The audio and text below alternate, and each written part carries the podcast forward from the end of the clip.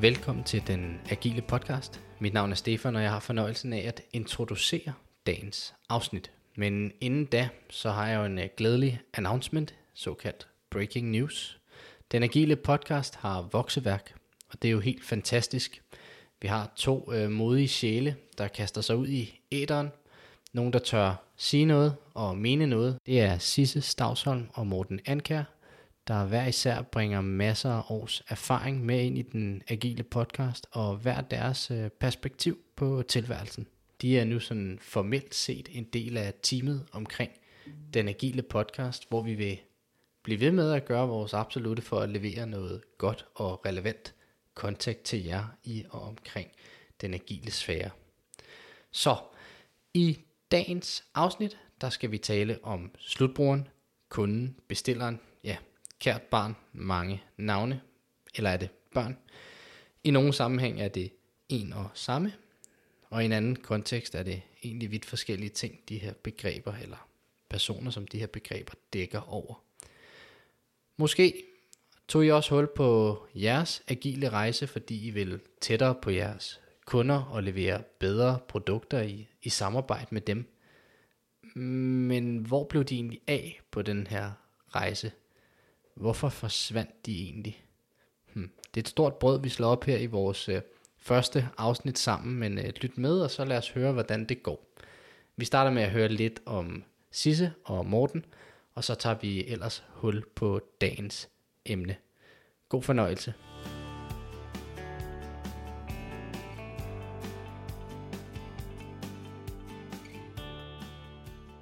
Altså, jeg hedder Sisse, og jeg er ny i Ugilic.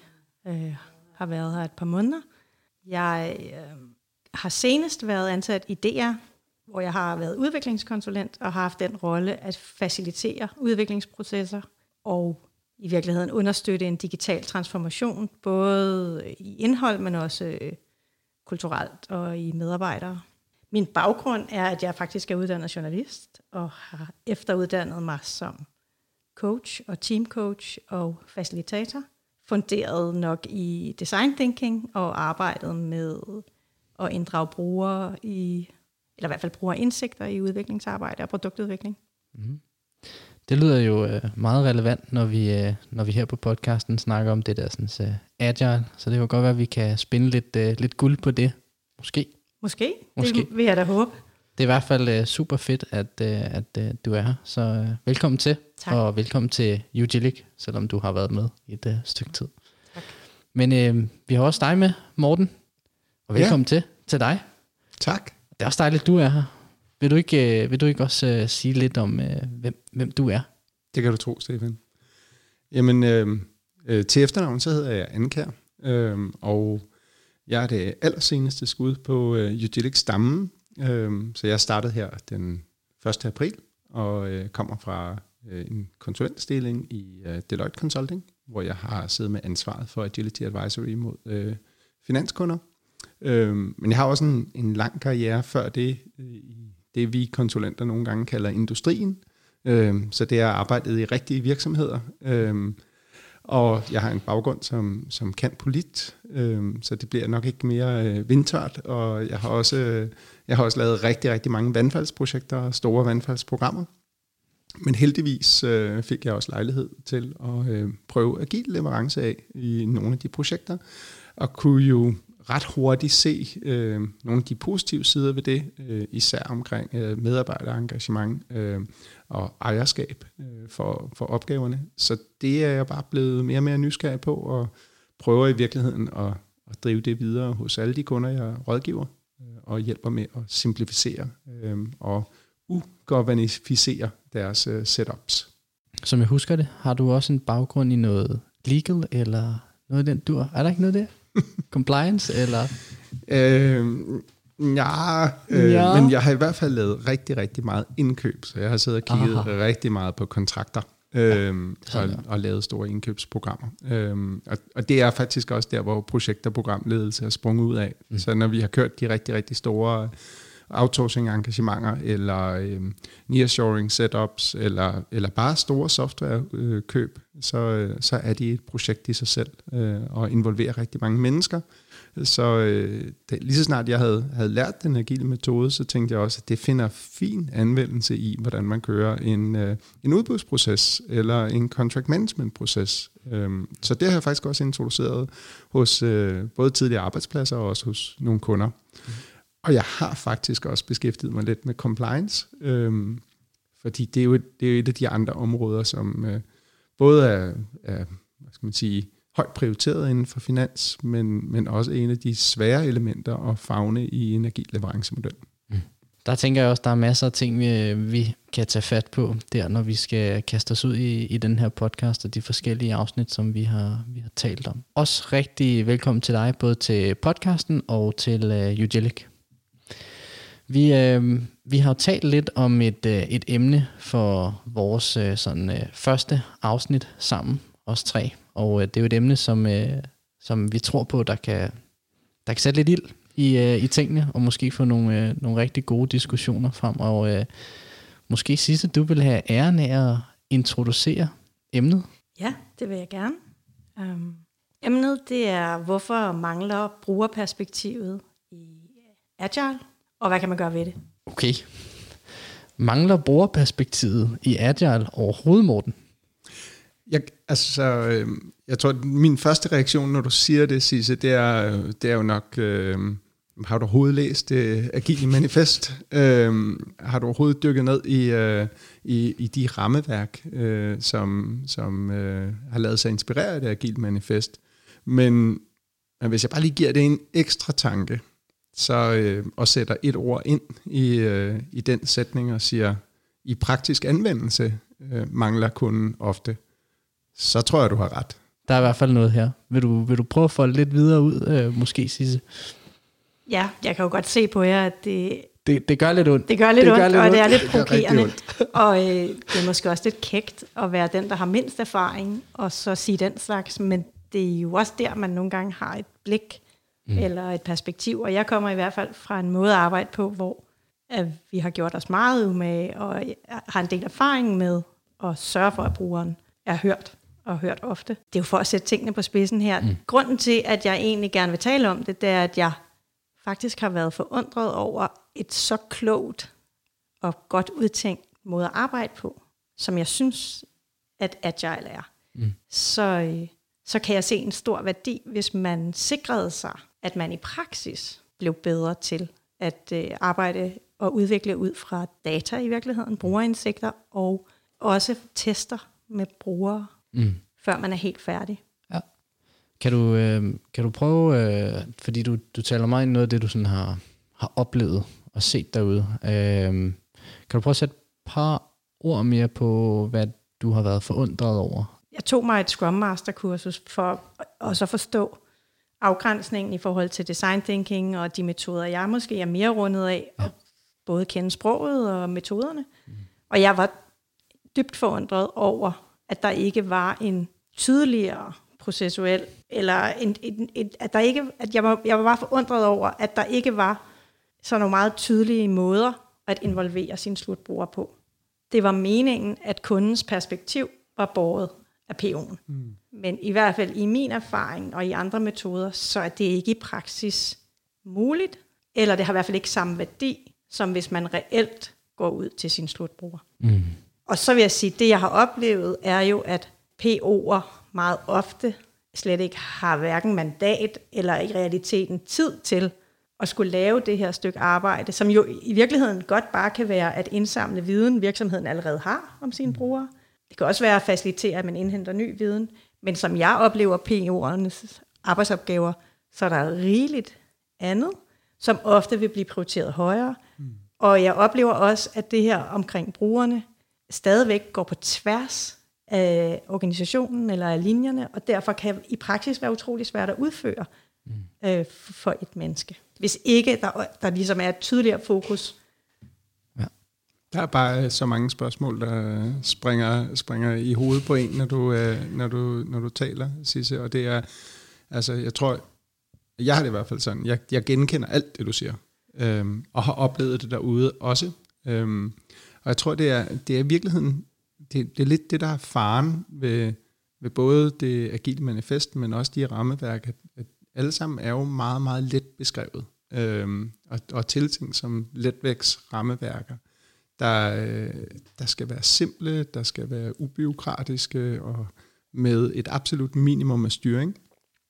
Øhm, og det forudsætter bare, at man har det mastery, som du også taler om, øh, som for eksempel en Scrum Master skal, skal besidde i at, at kunne processen, øh, kunne finde de pragmatiske løsninger, kunne finde ud af, hvornår der er behov for at beskrive det, men også at man tillader både tid øh, og kompetencer og kapabiliteter blive opbygget omkring at forandre organisationen. Fordi det du, det du på en eller anden måde ret tydeligt beskriver, det er jo i virkeligheden gamle vaner eller styringsformer, som for eksempel din linjeorganisation, og den går ind og påvirker, hvordan arbejder man rent faktisk i teamet.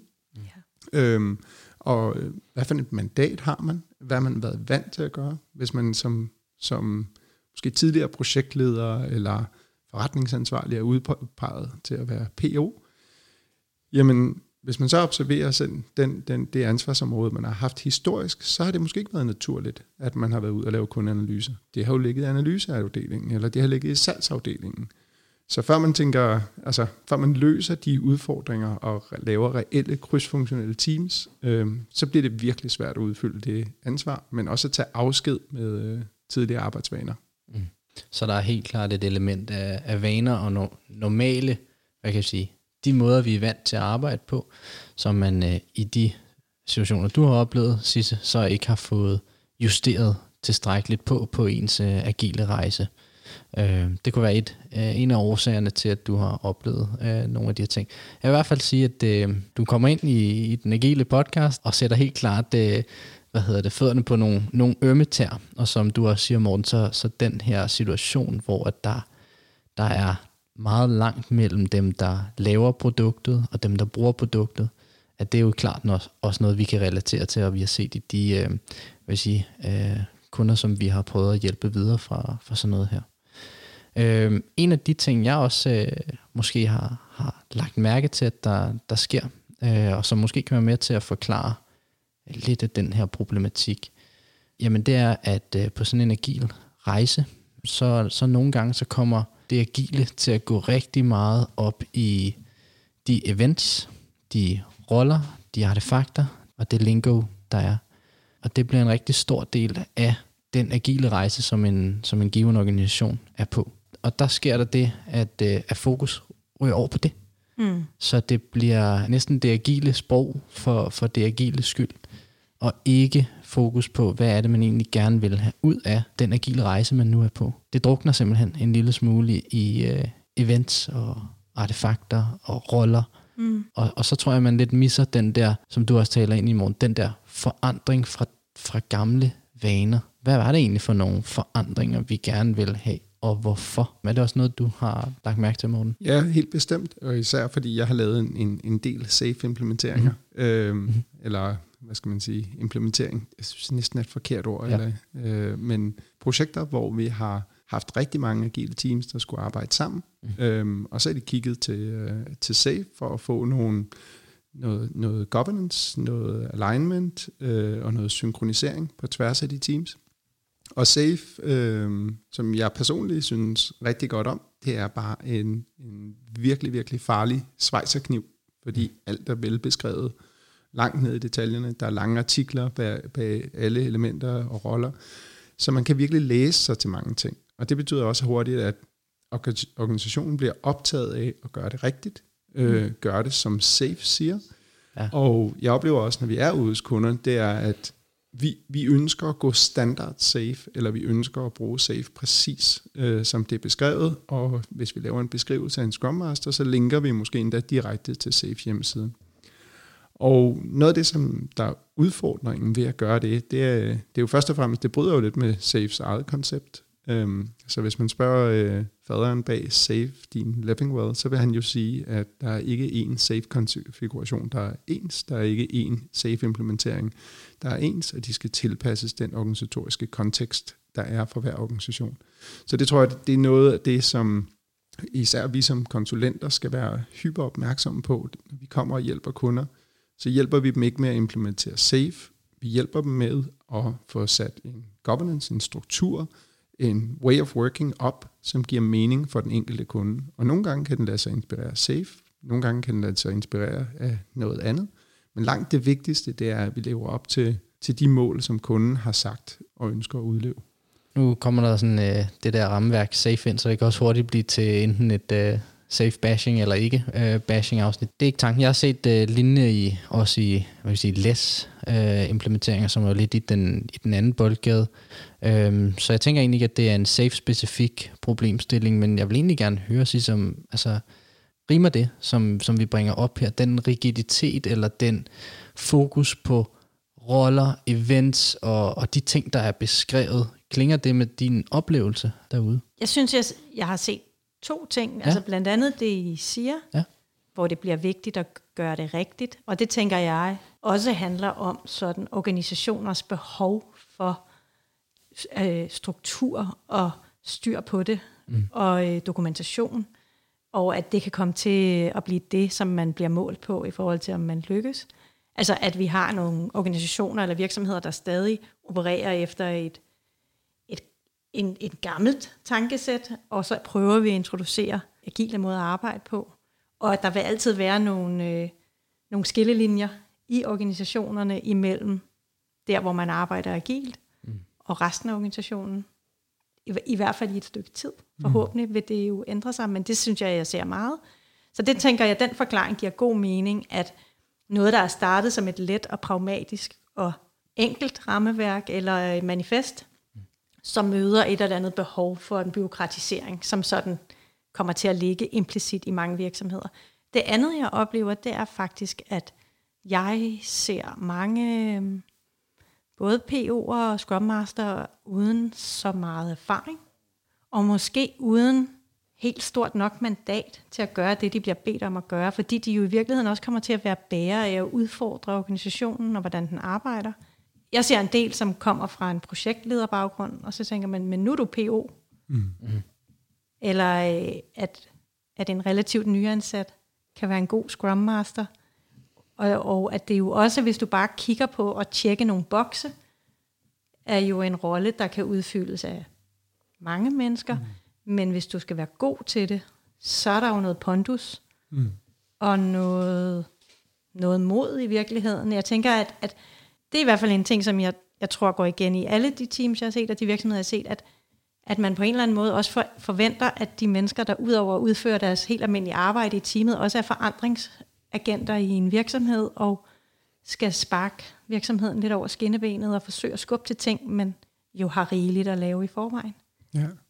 Altså, da vi talte om det her emne tidligere, mm. også øh, Sisse, der, der, der, der bragte du et andet interessant perspektiv ind i, som, som også har rumsteret lidt i mit hoved, eller i, i mit hoved, og det er, øh, det, det er defineringen af, af kundebegrebet. Ja. Øhm, fordi det står jo det står jo i hvert fald ret tydeligt i, i manifestet, at vi skal have kunderne helt up front. Men hvem er egentlig kunderne? Lige præcis, det var jo det, jeg sad og råbte op om på det der Scrum Master kursus, fordi de ligesom siger, jamen kunden skal, skal høres, og kundens behov, og kundens alting, og jeg er sådan lidt, undskyld, når du siger kunde, hvad mener du så? Mener du den, der har bestilt det, du laver internt? Mener du en ekstern kunde, der betaler for et stykke arbejde, eller mener du kunden, den, der skal bruge det? Og jeg oplevede, at man primært mente dem, der bestiller noget. Og derfor begynder jeg at sige slutbruger, for at være sikker på, at der ikke er noget sproglig forvirring. Mm. Og jeg tænker faktisk, at det måske godt kan være en del af, hvorfor det i praksis kan ryge en lille smule ud af arbejdet i det agile, at man skal huske sin slutbruger, fordi man jo har fokus på kunden, når man taler om stakeholder. Der er jo også noget andet, som ikke har noget som helst med det agile at gøre, men har noget at gøre med, at, at det er grænseoverskridende, at øhm, at arbejde for eksempel med prototyper, eller øh, at gå ud og hente et brugerindsigter, at lade ufærdige ting komme i hænderne på nogen, der mener noget om dem. Altså de mest kompetente mennesker, jeg kender, og de dygtigste mennesker, jeg kender, bliver jo stadig helt blege eller smågrønne i hovedet, hvis de skal møde et rigtigt menneske, der skal mene noget om det, de har lavet, som oven i købet er ufærdigt. Ja. Så jeg tænker også, at den del, det betyder også noget. Der, der, der er ting omkring, at, at det tager noget tid at arbejde på denne her måde, og at der også er nogle kompetencer, man ikke nødvendigvis får med, bare fordi man nu er PO. Altså, hvor skulle man vide fra, hvordan man skal gøre det? Ja. Men det er også et ubehag for os, rent faktisk, at høre de mennesker ad, der skal bruge det, vi laver, om det virker. Ja, man gør sig i hvert fald, man risikerer at gøre sig meget sårbar lige pludselig, når man, når man begynder at dele noget, der er ufærdigt, og, og man kan let komme til at føle, at man bliver vurderet på nogle ting, som, som man ikke har haft øh, chancen for at gøre færdig, eller som man ikke nødvendigvis selv står fuldt indenfor, bare for at få den feedback. Så hvordan, hvordan tænker du, eller hvordan har du oplevet, at, at øh, det virkede godt, eller de steder, det lykkedes? Lige så snart det lykkes, og når man har gjort det en gang, og oplever, hvor stor en genvej det er til at lave det bedste produkt, eller det rigtige mm. produkt, så oplever jeg egentlig, at det bliver lidt vanedannende, og at teamsene selv efterspørger det. Ja. Men indledningsvis, der kræver det også et fokus fra organisationen højere op, og et mod, og en modenhed i forhold til, at man ved, at man gør det for at hente den feedback, at man ikke kommer til at bedømme produktets værdi på, hvor færdigt det var, da man fik feedbacken. Mm. Men jeg synes jo, hvis, altså når du siger det med, hvor, hvor farligt det føles at få den feedback, så tænker jeg, ja, men hvor farligt er det ikke? Ikke at hente den, og bygge ting færdig, fordi man er bange for at få det at vide, eller ikke lige tager sig tid til det, og så udkomme, det er jo ekstremt vandfaldsagtigt. Ja. Så, eller, så eller, det er ikke i vandfald, vi skal finde øh, vandfaldsmodellerne, vi skal finde løsningen på, at, på bedre, kundeinddragelse? Absolut ikke. Det, jeg, ikke fordi jeg tænker, at noget var bedre i gamle dage, hvis vi snakker vandfald eller arbejde agilt. I produktudvikling for mm. eksempel, der er der sindssygt meget fokus på at arbejde brugercentreret, og at mm. blive dygtig til at gøre det på en pragmatisk måde. Mm. Hører ikke at købe en eller anden analyse til en halv million hver gang. Det handler om at finde nogle måder, hvor man i virkeligheden ikke er ude at bedrive forskning, men man er ude at hente lige præcis nok viden til, at man kan justere sit produkt, eller øh, udvikle videre på det. Øh, og at den viden faktisk er vigtig, at den kommer ret direkte til teamet, og ikke nødvendigvis er repræsenteret af et PowerPoint-oplæg, nogen fra salg har lavet. Mm. Det du også lidt tager, tager fat i, som jeg synes er sindssygt interessant, og som også lidt det, vi udforsker her, det er jo som om, at der er lidt et, nu vil sige, et løfte i det agile. Et løfte om at få brugeren og dem, der udvikler produktet, meget tættere på hinanden, og derved blive meget skarpere på, hvad er det for et produkt, vi skal udvikle? Hvad er det rigtige produkt? Hvad sætter de pris på? Så vi løber i den rigtige retning hele tiden.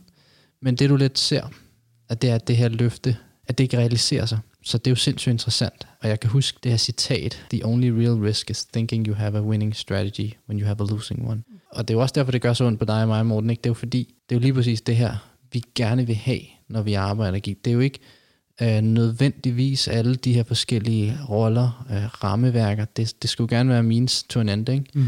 Men, men nogle gange så går tingene i stå der, øh, og, og det drukner. Altså det vi egentlig gerne vil opnå, drukner. Øh, så, så det er i hvert fald, øh, det er klart, der er, der er lidt en øh, diskrepans der. Og er der, noget, er der så noget, vi kan gøre ved det? Hvad, hvad er det, vi kan gøre? Jeg, jeg er i hvert fald glad for, at du lige præciserede, fordi jeg tror jo også, det er det, der gør, at jeg reagerer med mm-hmm. en eller anden form for skuffelse. Ja. At jeg jo har læst det Agile Manifest og tænkt, ja, yeah, det er sådan, vi gør tingene, og det flugter fuldstændig med mit design thinking, og yes. med, at vi arbejder ud fra alt det her. Og så oplever jeg bare, at det er rigtig svært. Jeg synes, der er meget, vi kan gøre. Mm-hmm. Og, jeg, og jeg tænker, at det, der er også meget, vi kan gøre, som ikke er krævende. Og jeg har været med til at, at nudge lidt og skubbe lidt til for eksempel at starte med, at man i et team sørger for at få fremskaffet den viden, de har om deres slutbrugere i virksomheden allerede, og forholde sig til den sammen. Fordi det giver jo et virkelig godt grundlag, hvis vi har en fælles forståelse af behov. For der sker jo, det der også er i den agile måde at arbejde på, det er jo, at, at du jo ikke laver en eller anden form for kravspecifikation færdig, og så er det det, vi gør. Der er jo en udvikling hele tiden. Mm. Og det betyder jo også, at man på en eller anden måde bliver nødt til løbende også at forholde sig til sin slutbruger, fordi produktet hele tiden er i udvikling. Og det er det hos teamet. Mm. Så, øh, så jeg, jeg tænker, at der er, findes gode, pragmatiske løsninger på at øh, enten arbejde ud fra eksisterende indsigter og uddrage behov fra dem, mm. hvor man sætter sig ned og kigger på, jamen, hvad er det? Altså, det er jo ikke, fordi vi skal spørge vores brugere, hvad de vil have. Vi skal blive klogere på, hvad de har af behov og ønsker, og så skal vi kunne teste med dem mm. Så tidligt. Som, altså, der er jo også det her, det her citat, der hedder, hvis du ikke skammer dig en lille smule, mm. når du udkommer, så er du for sent ja. på den. Og det harmonerer jo helt fantastisk med hele uh, fail fast ja. øh, tilgangen i, i det agile. Øh, fordi vi ønsker jo at opnå så tidlig læring som muligt. Men en af de ting, som jeg i hvert fald tænker, at en af de største forudsætninger, som også harmonerer med noget af det, du sagde, Sisse, øh, det er at have tilstrækkelig grad af psykologisk sikkerhed omkring dit team. Ja. Så, så du talte tidligere om, omkring mandat til PO'en. I virkeligheden forudsætter det jo tit, at, at måske ledelsen om, omkring det agile team også opfordrer og beskytter teamet i at udkomme tidligt og høste den feedback. Men det forudsætter også, at der er ret, ret meget rum til at lære. Øh, for jeg tænker, alle de gange, hvor vi har set det derude, at teamsene gør det, at de får vanen med at release hurtigt og release til slutbrugere og lære data, så, så bliver de gladere, øh, løsningerne bliver bedre, og dårlige løsninger bliver lukket lynhurtigt ned. Ja. Øhm, og, og det tænker jeg, det, det er stærkt motiverende for, for det arbejdsmiljø, der er, når det virker. Lige præcis. Og man set fra virksomhedens perspektiv, får man jo flyttet risikoen helt op tidligt i processen, hvor den trods alt koster meget mindre. Men jeg er meget enig med dig. Jeg tror, det handler om, hvis man skal lykkes med det, og der, hvor jeg har set det lykkes, at der bliver et ret tydeligt fokus på det brugercentrerede, og at det gennemsyrer også, hvad vi bedømmer og belønner mm. for. Øhm, og så kræver det meget modenhed, tænker jeg, af ledelse også at kunne se på ufærdige ting, mm. og ikke bedømme det uretfærdigt. Så din pointe omkring psykologisk tryghed i teamet, tillid til, at det faktisk har en værdi, også at finde ud af, at det ikke virker, at fejre, at man finder ud af, at det var det forkerte, og få det lukket. Mm. Så jeg tror, det kræver, at man arbejder aktivt med at skabe en kultur, hvor det at finde viden, uanset om den viden bekræfter ens hypotese eller afkræfter den, er det vigtigste. En lille praktisk, øh, praktisk værktøj, som jeg havde lidt sjov med sammen med et team for, øh, for nogle år tilbage. Et relativt nystartet agil team, øh, hvor vi rigtig gerne ville have dem til at fejle hurtigt. Der, øh, der lavede vi simpelthen bare sådan en mega poster øh, for, for, på indevæggen, hvor, hvor teamet sad, hvor vi lavede øh, Wall of Fail. Ja. Øhm, og så, øh, så havde vi en fed præmie på hver sprint på dem, der havde lavet den, den mest eklatante fejl, eller den fedeste fejl, øh, som selvfølgelig havde bidraget til læring. Øhm, og det, det gjorde faktisk, at vi begyndte at få udstillet fejlene undervejs, og, og, og folk de blev lidt mindre bange for at eksperimentere. Øhm, det forudsatte selvfølgelig, at jeg havde haft en god dialog med, med den ansvarlige leder for området, at når du kommer ind og ser det her, så roser du modet for at udstille sin fejl. Du roser øh, villigheden til at bringe det op og diskutere det på teamet. Øh, og du bifalder øh, tilgangen hos, hos, hos teamet. Selvfølgelig var der nogle af fejlene, der nogle gange måske gav anledning til lidt længere at snakke, men, men, men det kunne være sådan et helt konkret værktøj til, hvordan, hvordan får vi den der tidlige læring ind. Mm. Helt sikkert. Har selv, jeg har selv brugt øh, en metode, også helt banalt, men netop den der med, hvor vi faktisk aktivt markerer og belønner hver enkelt fejl. Øh, jeg synes, det lyder som en god løsning, men det er rigtigt, det kræver noget af ledelsen. Mm. Fordi det her, det kan blive lukket ned. Det er så sårbart. Det, vi, vi har jo alle sammen et ønske om at performe og præstere. Så øh, der skal ikke så meget til, før at man falder tilbage i at spille sikker. Mm. Og det tror jeg faktisk øh, er nok der, man først skal sætte ind. Jeg kunne godt tænke mig på at, at springe en, en anden, øh, måske, jeg ved ikke om det er den sidste bold, men, men i hvert fald en lidt anden øh, retning også i spil. Jeg vil lige prøve den af på jer. Altså nu taler vi om det her med, at brugeren mangler i, i det agile. I praksis forsvinder brugeren i det agile af, af din, din oplevelse, ikke Sisse? Og øh, mm, hvis jeg tager sådan lidt en, øh, en sort hat på, eller, eller måske noget, det jeg nogle gange hører eller fornemmer ud hos, hos virksomheder, så er det det her med, jamen Stefan, vi, vi ved jo godt, vi ved jo godt, hvad vi skal lave. Mm. Vi ved det jo godt. Så hvorfor, hvorfor skal vi... Altså, det er, jo, det er jo heller ikke gratis, eller nødvendigvis billigt. at, øh, at gå ud og involvere brugerne og validere med dem. Vi ved det jo godt. Vi skal levere det her produkt, den her platform. Skåbet er her. Hvorfor, hvorfor skal vi gøre det? Der er måske ikke helt den nødvendige opbakning til det, eller tro på, at det er værdifuldt. Du sidder og nikker lidt, Morten. Har du, har du lignende oplevelser? Jeg, jeg, jeg har bare sådan et helt konkret eksempel, som jeg kan lade være med at sidde ja. og, og smågrine lidt over. Ja. Øhm, for, for nogle år tilbage, hvor en, øh, en kollega i en af de virksomheder, jeg arbejdede for, kom hen og sagde til mig, Morten, jeg har 35 års erfaring med det her område. Jeg ved præcis, hvad vi skal. Øhm, og der gik faktisk ikke mere end øh, 6 måneder, før projektet det blev lagt i skuffen. Øhm, vi havde øh, analyseret i rigtig lang tid. Vi havde fulgt hans anbefalinger, og lige så snart vi ramte markedet, så var der ingen køber. Øhm, så jeg tænker, at det var et rigtig, rigtig godt eksempel på, at man skal ikke stole på, øh, man skal ikke kun stole på erfaring, man skal, man skal ud og spørge kunderne og slutbrugerne. Så, så øh, vi ved ikke rigtigt, øh, og vi ved ikke altid, hvad vi ikke ved. Mm. Øhm, vi ved, hvad vi har lært og har erfaret tidligere, og vi kan helt sikkert anvende det, men det er ikke sikkert, at det er det, modtageren har brug for. Og det skal vi jo også selv huske os på, øh, når vi sidder og kloger os. Mm. Helt sikkert. Jeg, jeg, altså jeg tænker, at det er en utrolig farlig antagelse, mm. og at det kun er blevet farligere i takt med, øh, hvor hurtigt produkter udvikles, og hvor hurtigt vores behov forandres. At tro, at man internt i en virksomhed kan sidde med nok viden til at kunne matche de behov. Jeg vil i hvert fald tænke, at det var en god idé at være nysgerrig ja. på, hvad andre som rent faktisk skal bruge produktet, fordi vi jo alle sammen, uanset hvor dygtige og erfarne vi er, jo er, øh, ikke kan undgå at være biased i forhold til noget eksisterende, eller hvad vi tænker virker. Det er meget svært at lægge det fra sig, og det behøver ikke at være et kæmpe projekt, lige at få tjekket, om ens hypoteser holder. Mm. Mm. Ja. Og der er jo der er også, øh, altså nu har, du, nu har vi nævnt nogle værktøjer til sådan at prøve at fremelske en, en kultur, hvor man, man tør fejle. Der findes også forskellige øh, templates eller værktøjer i hvert fald, der hjælper en lidt øh, imod at prøve at arbejde lidt med at validere sine øh, hypoteser eller sine antagelser. Ikke? Altså jeg vil anbefale, at man som team starter med at i fællesskab og mappe sine øh, antagelser. Mm. Øhm, og så vælge den farligste. Lave ja. den dejlige lille matrix, hvor vi siger, hvad for en øh, er farligst, hvis vi tager fejl. Mm. Og så sige, hvad skal der til, for at vi enklest muligt validerer den. Hurtigst og billigst og så lad os gøre det. Det ja. øh, vil jeg mene, at de fleste kan gøre i et team på en halv dag. Mm. Ja.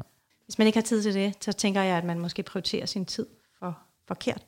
Og så vil jeg sige, i forhold til det her med at, at kigge på, om man ved nok internt i en virksomhed. Altså hvis man kommer fra altså, arbejde med strategisk innovation mm. og produktudvikling, er der altså lavet rigeligt med både enkle business cases og øh, analyser på øh, værdien af at øh, få testet sine både hypoteser og sine prototyper tidligt. Mm. Der er masser af skrækeksempler på virksomheder, der var sikre på, at de havde helt styr på, hvad brugerne ville have, og de findes ikke mere. Nej. Så vi kan vel godt, øh, vi kan vel godt konkludere øh, noget her. Øh, altså, hvis vi kigger på, på rammeværk og manifest, så mangler kunden ikke. Men vi, hvis vi kigger på, på den praktiske øh, implementering og anvendelse af, af agil og agile rammeværk i, i hvert fald i de virksomheder, vi har beskæftiget med, mm. så, øh, så er der rigtig mange steder, hvor kunden ikke kommer, kommer, kommer tæt nok på, og måske også nogle gange, hvor kunden ikke er tilstrækkeligt defineret øh, til, at man ved, taler vi slutbruger, eller taler vi en intern kunde, eller taler vi en betaler øh, af løsningen. Præcis. Eller at hvis man... Ikke, nogle gange har man jo heller ikke engang en tydelig slutbruger eller målgruppe. Mm.